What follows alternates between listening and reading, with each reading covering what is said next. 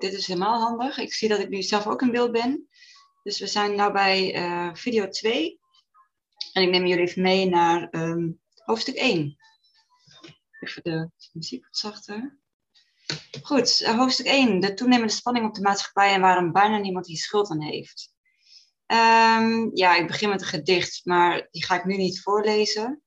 Kun je zelf ook lezen eventueel. Nou ja, ik, ik lees hem al even voor. Ik schreef dit uh, gedicht op 25 maart 2020. Dat is alweer een tijd geleden. Oordelen gaat zo snel. Dat gaat vaak automatisch en doet iedereen onbewust wel. Waarom ligt er zo'n taboe op open en kwetsbaar zijn? En verstoppen veel mensen zich nog in een wereld van schone schijn? Met mij is immers niks aan de hand. En de rest wordt vast opgelost door de politiek van dit maakbare land. Welke verandering kan jij juist creëren, mits je steeds opnieuw durft te evalueren? Dat is wat nu nodig is in deze leefbaarheidscrisis. Elkaar echt zien en aandacht geven, want pas in het echte contact lukt het beter je in de ander in te leven. Welke overtuigingen van jou zijn nog nodig en welke misschien juist overbodig? Alleen samen krijgen we alle eenzaam en onder controle.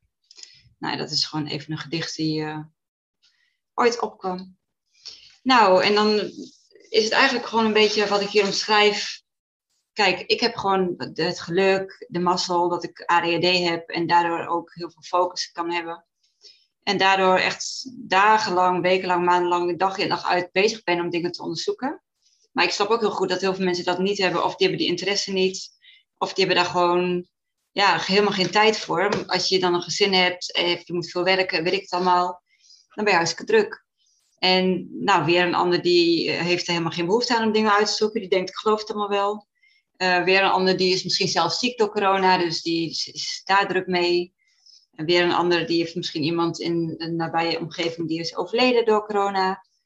Nou, dus die staat druk mee. Of weer iemand anders, um, ja, die heeft misschien hele andere problemen door de maatregelen. Dus die, iedereen, de meeste mensen bedoel ik, worden wel een beetje opgeslokt in deze tijd. Door alles wat er gebeurt. Dus ja, ga dan maar eens eventjes proberen overzicht te creëren op alles wat er aan de hand is. Dus dan is het ook logisch dat je gauw in je eigen kokon blijft. En dat je denkt, waar, ik moet mijn eigen hachje redden. En de rest komt wel goed. En het zal allemaal overwaaien. En dat, dat snap ik wel. Dat dacht ik in het begin ook natuurlijk. En dan is het maart 2020. Toen had ik zelf ook corona. Dus eerst dacht ik, oh jee, en het is allemaal heel erg. Maar ik dacht ook heel gauw, oh, maar dat is eigenlijk ook wel heel veel wat een beetje niet klopt. Goed, toen maar. Um, nou, dus ik vraag hier een beetje van, goh, heb jij, het, heb jij al schade gehad door de maatregelen? Uh, heb je het gewoon nog goed? Uh, heb je gewoon je baan nog? Heb je nog gewoon inkomen? Heb je wel of geen last van uitgestelde zorg? Uh, dus ik bedoel, als je er zelf niet zoveel hinder van hebt, omdat je gewoon eigenlijk gewoon, je leven loopt wel door, dan heb je een hele andere beleving dan dat je daar wel heel erg door geraakt bent, doordat je zaak dicht moest, of doordat je ruzie krijgt in de familie, of zoals ik net zei, doordat je bepaalde zorg niet meer kan krijgen, doordat je angstig bent, doordat je je huur niet meer kan betalen. Nou, weet je, ik, ik zeg het een beetje kriskras, maar alles kan voorbij komen. En dat maakt het nogal complex om dan wel allemaal uh, ja, het soort van hetzelfde te moeten denken en hetzelfde te moeten uitvoeren. En uh, eigenlijk vind ik dat mensen dat over het algemeen heel lang heel goed hebben gedaan hoor. Maar ergens, um, ja, gaat het wel wringen. En dan is het ook zo, ja, dan vraag ik hierover, goh, lukt het je ook om het erover te hebben met mensen? Is het, voelt het veilig om het erover te hebben? En uh, ja, hoe, hoe, hoe gaat jou dat af?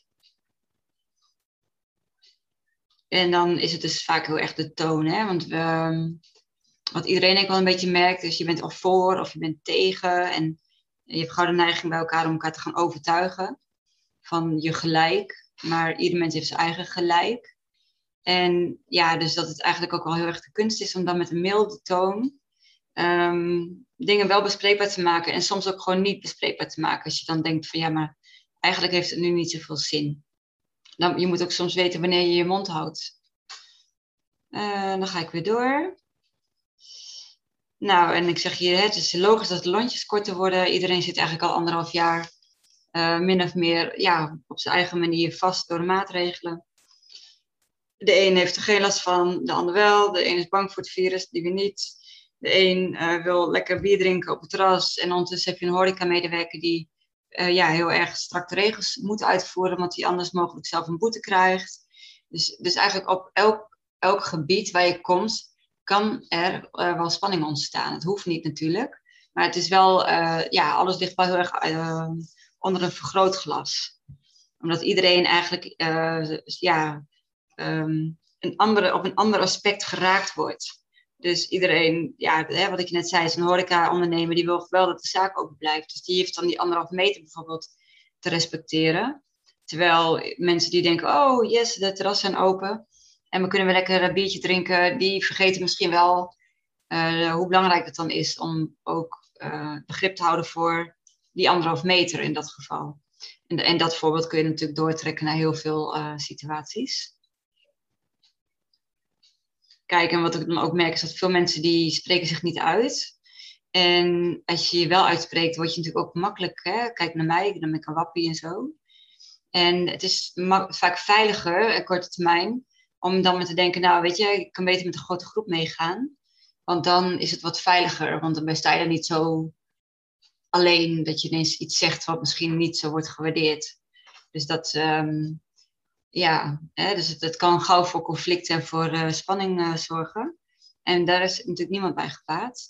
Terwijl het wel belangrijk is om uh, verandering te kun je wel creëren door er juist wel met elkaar over te praten. Ja, en hier zeg ik ook, zolang het leven een soort van normaal doorgaat, dan kan de impact van de maatregelen langs je heen gaan.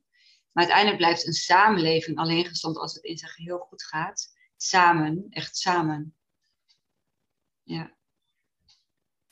En dan zou ik nog even een klein gedichtje voorlezen. En dan ga ik deze video weer afronden. Want ik ga echt gewoon het echt heel kort houden. Want dat uh, is denk ik wat behapbaarder allemaal.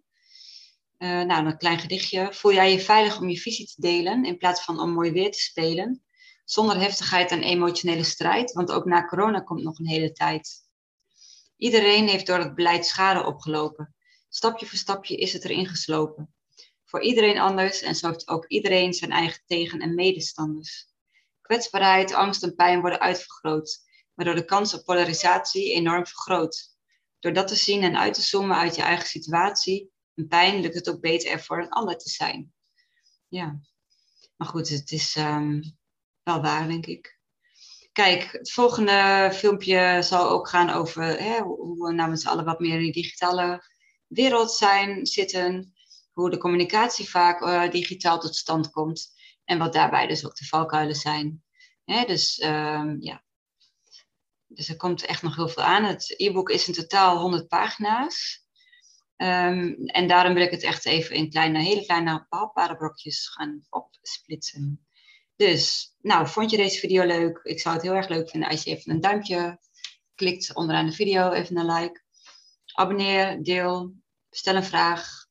Um, nou, kom met feedback. Als het maar een beetje positief geformuleerd is, dan is alles welkom. Dus bedankt het kijken naar video nummer 2 eh, voor de podcastluisteraars. Bedankt voor het luisteren naar podcast nummer 2 over mijn e-book. Uh, wil je trouwens mijn e-book gewoon bestellen? Dat kost maar een tientje. Dan kan je het op je dode gemakje, dan kun je het lekker even lezen.